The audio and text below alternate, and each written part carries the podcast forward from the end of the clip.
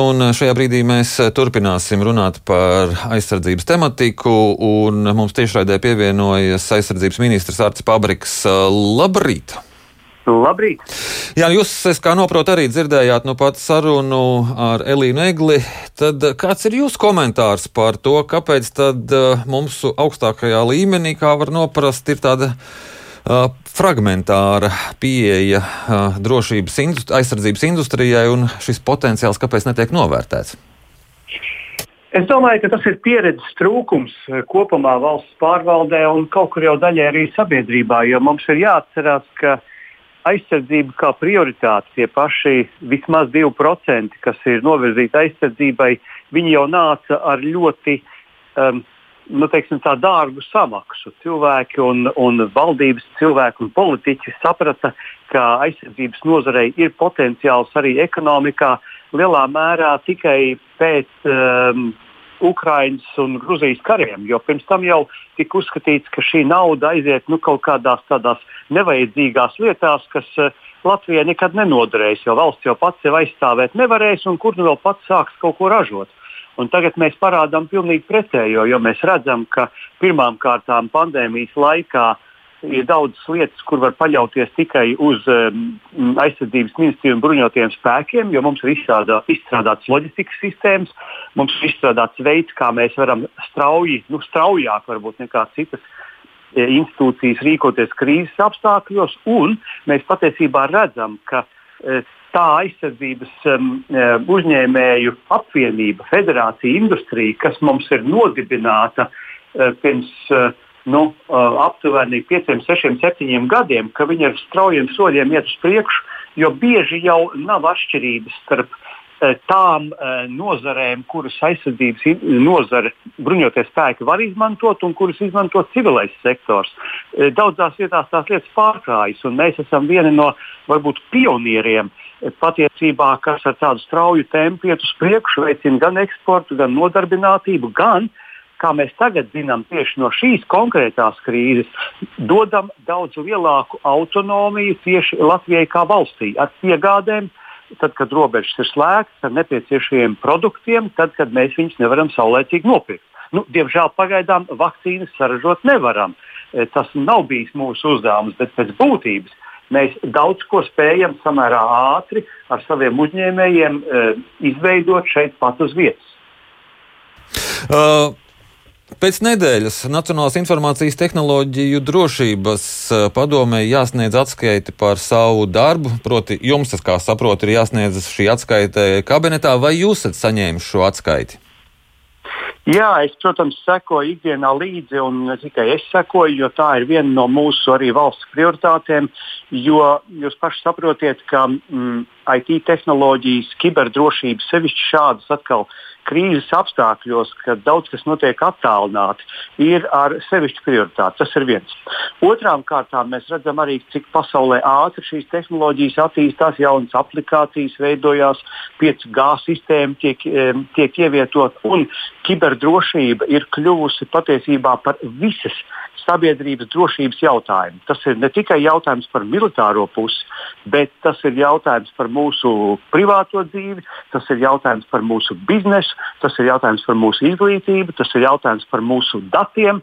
Tas ir, tas ir jautājums patiesībā gandrīz par jebkuru mūsu dzīves sfēru. Bet, bet, bet tas jau mums ir zināms ne pirmo gadu. Šobrīd kādas ir tās šajā sfērā, kādas ir tās jaunie izaicinājumi? Redziet, e, ja tas būtu zināms sabiedrībai ne pirmo gadu, tad sabiedrība būtu bijusi daudz uzmanīgāka. Un es domāju, ka tie galvenie izaicinājumi mums ir e, pirmām kārtām garantēt, lai šīs kibersistēmas e, nevarētu tikt uzlauztas, lai mūsu sabiedrība ievērotu kiberhigiēnu, kas daudz kur nenotiek, lai mums nebūtu šādas datu noplūdes, um, un uh, lai mēs nākotnē ieviešot jaunus projektus, un tas ir viena no perspektīvām, jūs man precīzi jautājiet, vai nākotnē neviena no ministrijām vai valsts institūcijām vai arī privātām institūcijām ieviešot kaut kādus jaunus e, kiberprojektus, inovācijas, lai viņas redzētu arī tās caur drošības prizmu. Jo mums šī sistēma ir pārāk sadrumstalota, un mums šī sistēma uh, netiek apskatīta pēc vienotiem teiksim, tā, drošības principiem. Un tāpēc mums rodas problēmas, nu, piemēram, ar e-veselību vai kaut ko tamlīdzīgu, kur mums ir ļoti grūti garantēt nepārtrauktību vai arī, piemēram, nu, datu drošību. Mm. Te, bet vai te vienkārši nav runa par uh, slikti izstrādātām platformām, nevis par kiberdrošību? Uh, nē, nu, saprotiet, um, tad, kad šīs platformas tiek izstrādātas, uh, protams, ka izstrādātāji ņem vērā uh, dažādas lietas, es pieļauju, bet pirmkārt viņus interesē varbūt tās uh, viegla uh, viegls darbs eh, klientam vai teiksim, tas, kādi ir bijuši uzstādījumi no pasūtītāja puses, bet nevienmēr šeit eh, pasūtītājs un arī izstrādātājs pievērš pietiekami lielu uzmanību tieši šim aizsardzības un drošības faktoram, lai šī aplikācija, lai šis jaunais izstrādājums pietiekami labi nu, strādāt arī noturīgos apstākļos, krīzes apstākļos, ja kāds grib viņu sabojāt, uzbrukt, tikt iekšā. Un eh, šie kriteriji nav bijuši līdz šim uh, augstākajā līmenī. Man tā jāsaka. Tas ir viens no atzinumiem. Ja, tas šis atzinums parādās šajā ziņojumā, kā es saprotu. Tieši tā. Un, uh, kādi tad būtu tie mm, nepieciešamākie soļi teiksim, šī gada laikā, lai sakārtotu kādus, mm, kādus trūkumus? Mums ir um, jāstrādā pie šo trūkumu sakārtošanas gan nacionālā līmenī, gan Eiropas Savienības līmenī, kur um, tiek uh, pašlaik um, strādāts pie atskaites šai kopīgai kibersistēmas uh, drošībai visā Eiropas kontinentā. Bet mūsu gadījumā tas viens no galvenajiem uzdevumiem būtu, lai jebkas, kas nāk kā jauns šeit, ja, jauna, jaunas sistēmas ieviešana, lai viņa mm, prasītu arī um, tā, atzinumu no aizsardzības nozares, no mūsu ekspertiem, un mēs tad varēsim izvērtēt un pateikt, vai uh, šī konkrētā jaunā uh, sistēma vai ieviešamais projekts ir gana drošs un var funkcionēt. Uh, vai šajā ziņojumā parādās arī uh, kāda rindakopa par jauno vakcinācijas platformu? par jauno vakcinācijas platformu. Um, es domāju, ka konkrēti šajā nav, jo tas ir pavisam jauns projekts. Es nedomāju, ka vakcinācijas platforma ir eh, galvenā problēma e, konkrētajā gadījumā. Es domāju, ka tas pirmkārt ir jautājums par šo vakcīnu esamību vai neesamību un e, varbūt tās cilvēcisko faktoru, ne tik daudz par um, tehnoloģiju jautājumu. tad uh, tā platforma varbūt pat nav nepieciešama. Es tā saprotu. Galvenais ir vakcīnas. Uh, kad jums, starp citu, sāksies uh, vakcinācija, proti, bruņotajos spēkos aizsardzības nozare?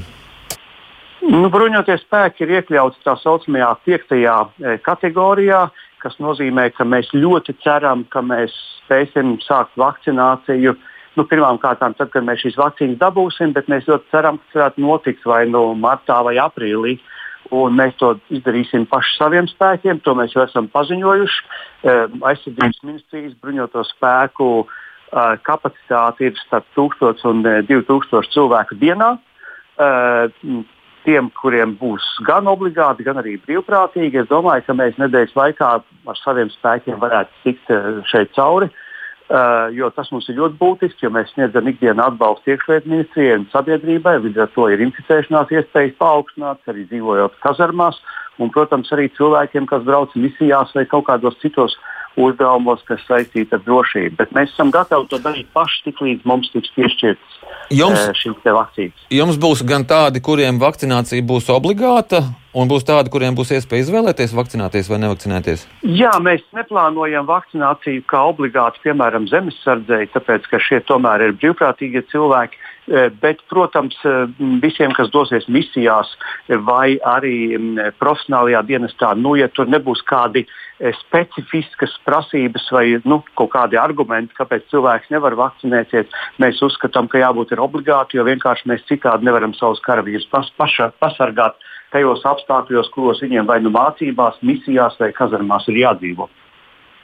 Mm, tad karavīriem nav iespēja teikt, atteikties no vakcīnas. Profesionālajā dienestā galvenokārt nē. Tiem, kas ir brīvprātīgie, protams, civilie darbinieki, kas mums ir, un zemesargi, tie, protams, varēs izvēlēties. Bet es gribēju izmantot iespēju pateikt, vajag vakcinēties, mums nav cita ceļa, kā, kā tikt galā ar šo pandēmiju.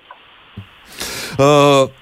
Valsts darbības nepārtrauktība, cik lielā mērā šobrīd ir nodrošināta un kad tad valdība sanāks tiešsaistē? Nevis tiešsaistē, bet klātienē, Nu, es šeit varu paust tikai savu viedokli. Es domāju, ka sanākšana klātienē ir ļoti svarīga, lai mēs spētu beidzot normāli e, funkcionēt. Bet tas ir iespējams tad, kad mm, gan ministru kabinets, gan arī mums e, tas personāls, kuram ir jā, jāpiedalās ministru kabineta sēdēs, arī būs dabūjuši šīs vakcīnas, teiksim, kā ir. Jo nu, citādi tas ir tomēr pārāk bīstami klātienē sanākt. Tā kā es baidos, ka nekas jau ātrāk kā aprīlī šeit nevarētu sanākt, jo, jo vienkārši mūsu arī atbildīgie ministriju darbinieki nav vakcinēti. Pat uh, ministra kabineta locekļus, kurus vakcinēja, tām ir tikai pirmā pote, bet ar to mēs neesam gatavi vēl. Man jāsaka, jums, man jāsaka jums paldies par šo sarunu. Atgādinu, ka mēs sazinājāmies ar aizsardzības ministru Ārti Pabriku.